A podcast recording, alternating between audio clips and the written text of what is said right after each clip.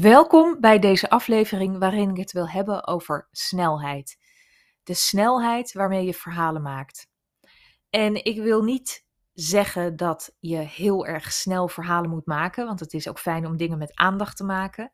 Maar ik wil het wel, ik wil je een aantal tips geven, een aantal uh, tools misschien ook wel, die, um, die je gaan helpen om controle te hebben over je tijd. Dus of je nou een dag wil doen over het maken van een verhaal of een half uur, dat, dat is niet zo relevant, dat maakt niet zoveel uit. Maar heel vaak zijn we min of meer um, slachtoffer van de tijd. Of is de tijd iets waar we heel weinig controle over hebben? Om het even concreet te maken, ik spreek natuurlijk heel veel mensen over verhalen. En wat ik vaak zie is dat het maken van verhalen veel te lang duurt, waardoor je um, ja, waardoor dat een hele grote hobbel wordt, omdat je er al überhaupt niet aan begint. Um, of mensen trekken veel minder tijd uit voor het maken van, van een verhaal dan dat ze nodig hebben. Of mensen zitten uiteindelijk met een stapel half affe verhalen waar ze met veel plezier aan begonnen, maar die nooit afraken omdat de tijd op was, omdat je er dan geen zin meer in hebt ook. Ze blijven liggen, je verliest de focus erop. En dat kost natuurlijk heel veel tijd, want je hebt wel een half verhaal gemaakt, maar het is nooit de wereld ingegaan omdat het nooit afkomt. Dus tijd en verhalen maken is heel vaak een, uh, een worsteling. En in deze podcast wil ik je gewoon helpen om controle te krijgen over die tijd. Om daar op een andere manier mee om te gaan. En het allereerste, hoe je de controle terugpakt over de tijd, hoe jij de baas wordt. Um, nou, we beginnen gewoon bij de start. Dat begint natuurlijk bij het hebben van een idee. En in mijn andere podcast gaat het ook over het verzamelen van ideeën, hoe je dat doet. Maar even heel praktisch. Het is natuurlijk handig om de ideeën die je verzamelt op één vaste plek te verzamelen. In een notitieboekje, ergens op je computer of misschien in, uh, in audiobestandjes op je telefoon, omdat je dingen op, uh, inspreekt. Maar heb er in ieder geval één goede plek voor, waar je ze allemaal terugvindt. Nou, die ligt voor de hand, hè. Maar hoe je, die, um, hoe je zo'n idee vastlegt, dat maakt uit. Want je kan, stel je voor, hè, ik wil deze podcast maken over snelheid van verhalen. Dan had ik ergens een aantekening kunnen maken in mijn boekje of op de plek waar ik het bewaar, uh, waarin ik opschrijf snelheid als dat idee tot me komt, omdat ik net een gesprek heb gehad, bijvoorbeeld met een klant die, uh, die zei, uh, of in dit geval was dat uh, een, een oud klant, ja, die zei: Ik heb een heleboel halve verhalen liggen en het lukt me niet om ze af te maken. Nou, dat, daar was tijd een element. Um, na dat gesprek dacht ik dus: hey, dit is een onderwerp wat, wat ik nou al een aantal keer heb teruggehoord bij verschillende mensen, dus leuk om daar iets mee te doen. Nou, ik had op kunnen schrijven snelheid. Wat veel handiger is is om van zo'n idee, als, je, als dat idee opkomt, omdat je net een gesprek hebt gehad of net iets hebt gelezen, net iets hebt gehoord, net een inzicht hebt gehad, om daar gelijk een concrete vraag van te maken. Dus in het geval van snelheid, om niet op te schrijven snelheid, maar om op te schrijven wat zijn de beste tips om sneller een verhaal af te maken.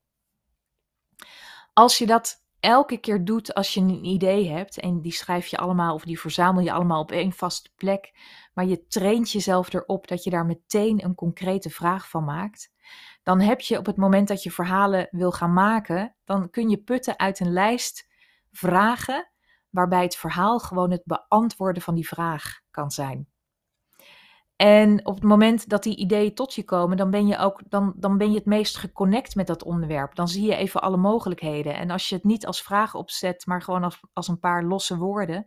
Op het moment dat je die terugziet, dan ben je een beetje kwijt waar het ook weer over ging. Waarom dat zo'n goed idee is, wat je ermee wilde. Dus probeer altijd je ideeën te verzamelen in de vorm van concrete vragen. Um, en dan, dan ga je aan de slag met een van, die, een van die vragen, die ga je beantwoorden.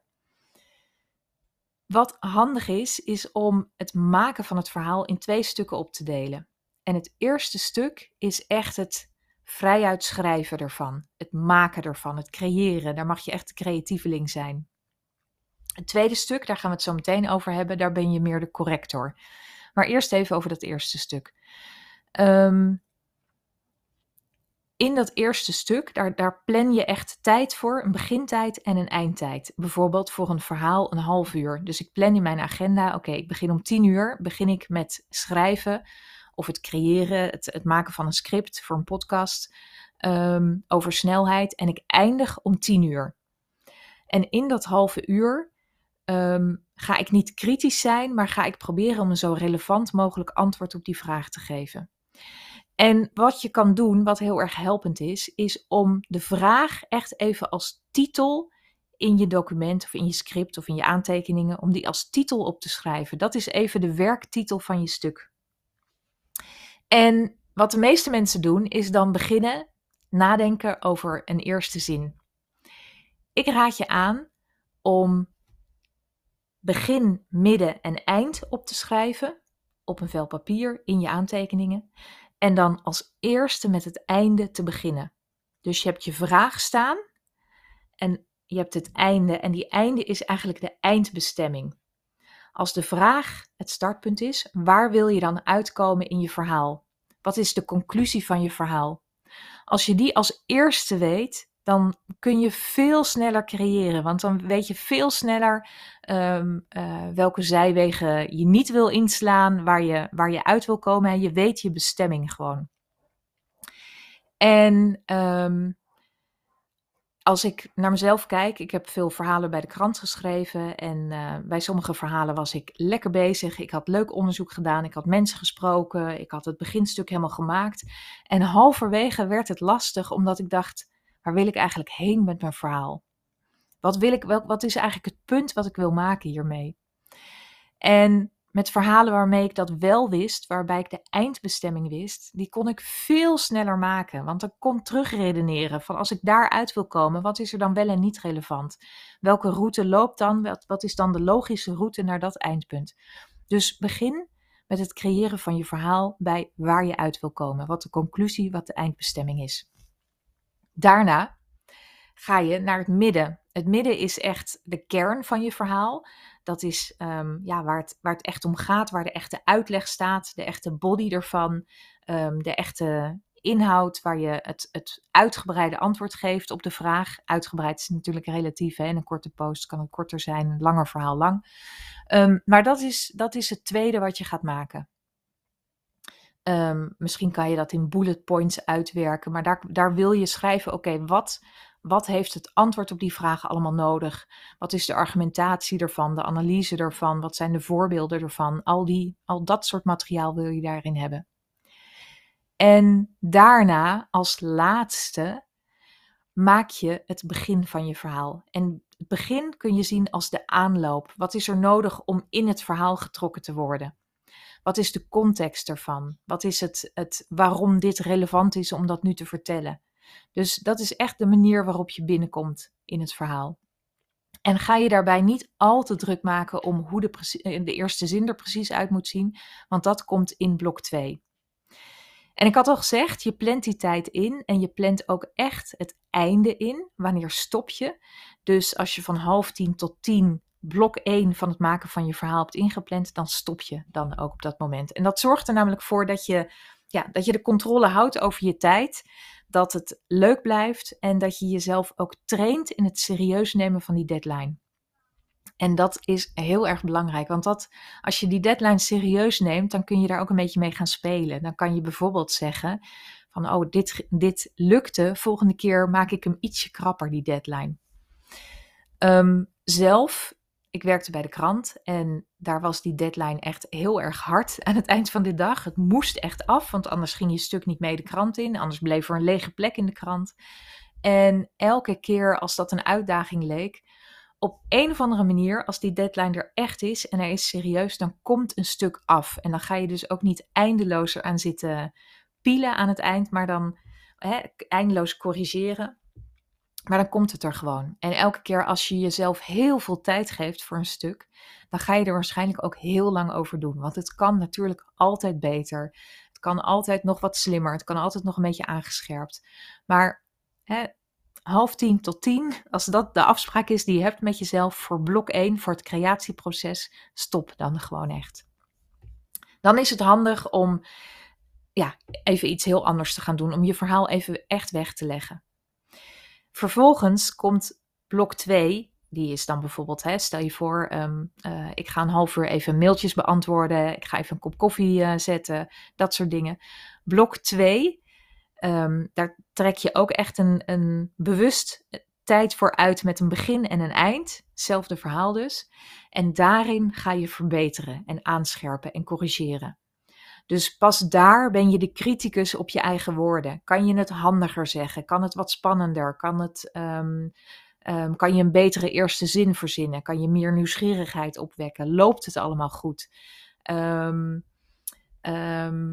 ja, kan je de zinnen korter maken of uh, simpeler maken? Kan je meer jargon eruit halen? Dus hè, meer spreektaal gebruiken? Allemaal van dat soort dingen. Kan je dingen ook in een citaat zetten? Moet je de volgorde net een beetje veranderen? Nou, dat doe je allemaal in blok 2. En aan het einde van blok 2, dat is het verhaal waar je het mee gaat doen. En alles wat er beter kan, dat zou ik in een volgend verhaal stoppen. als je denkt, oh ja, ik had iets handiger kunnen aanpakken schrijf het ook op bij je, bij je verhaalideeën en uh, pas het dan toe in een volgend verhaal. Wat in de inhoud ook helpt om sneller te zijn, om, om de baas te zijn over je tijd, is om heel erg goed te snappen voor wie je jouw verhaal maakt. En daarbij raad ik je aan om je verhalen te maken voor degene die jij het allerliefst wil bereiken. Dus degene die voor jou voor, ehm, ja, als je een ondernemer bent, de, de klant die jij het allerliefst zou willen bereiken. Schrijf het zodat je verhaal herkenbaar is voor hem of haar. Als je een heleboel mensen in je hoofd hebt, in je verhaal, dan wordt het dan, ja, en je wil je verhaal voor een heleboel mensen relevant maken, dan wordt het, uh, dan verwatert het, dan wordt het minder scherp, minder sterk. Maar is je schrijfproces of je creëerproces ook ingewikkelder? Want je gaat jezelf veel meer vragen stellen. Je maakt het veel moeilijker. En ja, verhalen die echt specifiek gericht zijn op uh, ja, de, de, de belangrijkste personen uit je doelgroep, die zijn altijd beter. Want die zijn concreter, die zijn toegespitster, die zijn herkenbaarder voor degene die jij wil bereiken. Um, en dat, dat zijn gewoon lekkerdere verhalen. Dus heb diegene in je hoofd. Wat kan ik nog meer zeggen over snelheid? Um, het is handig om te bedenken wat is voor jou het lekkerste moment op de dag en um, de, de fijnste plek om die creativiteit te laten stromen. Is dat achter je bureau of is dat buiten wandelend? Is dat um, ochtends vroeg? Is dat s avonds laat?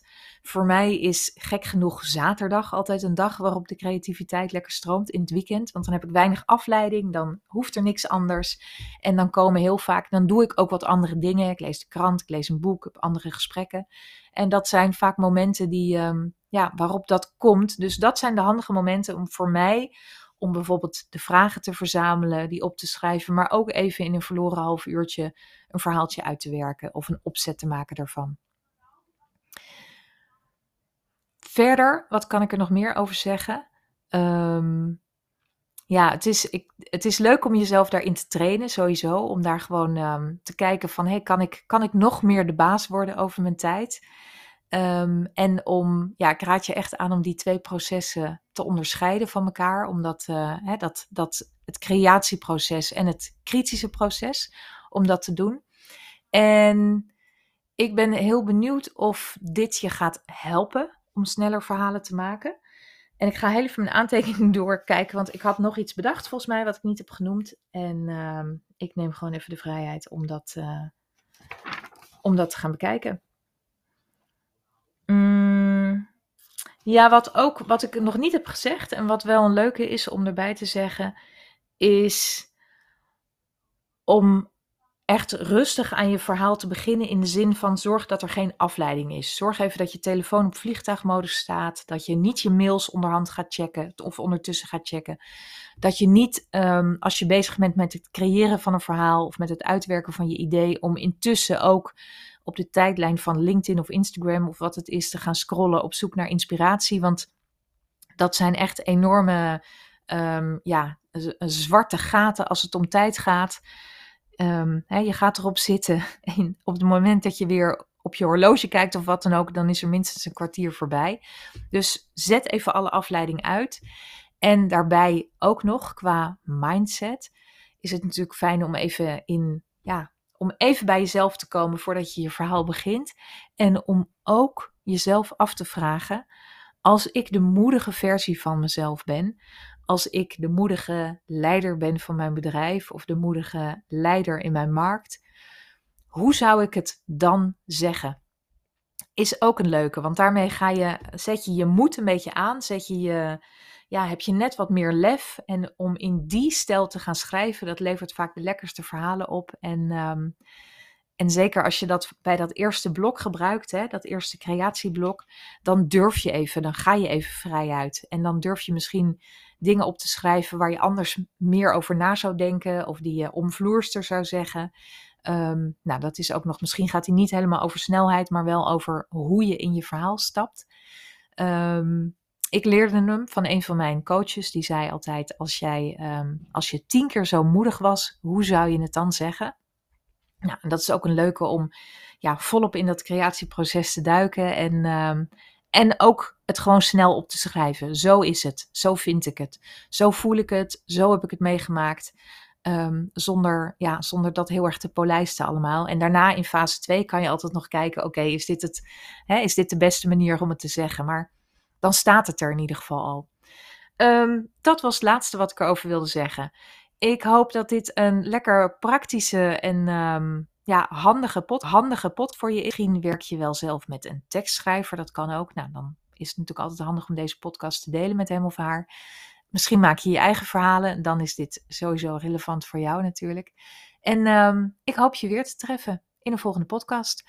En als je benieuwd bent uh, naar mijn werk, als je denkt hoe, uh, ja, hoe zou ik jou kunnen begeleiden in zichtbaarheid, in het worden van een zichtbare leider in jouw markt.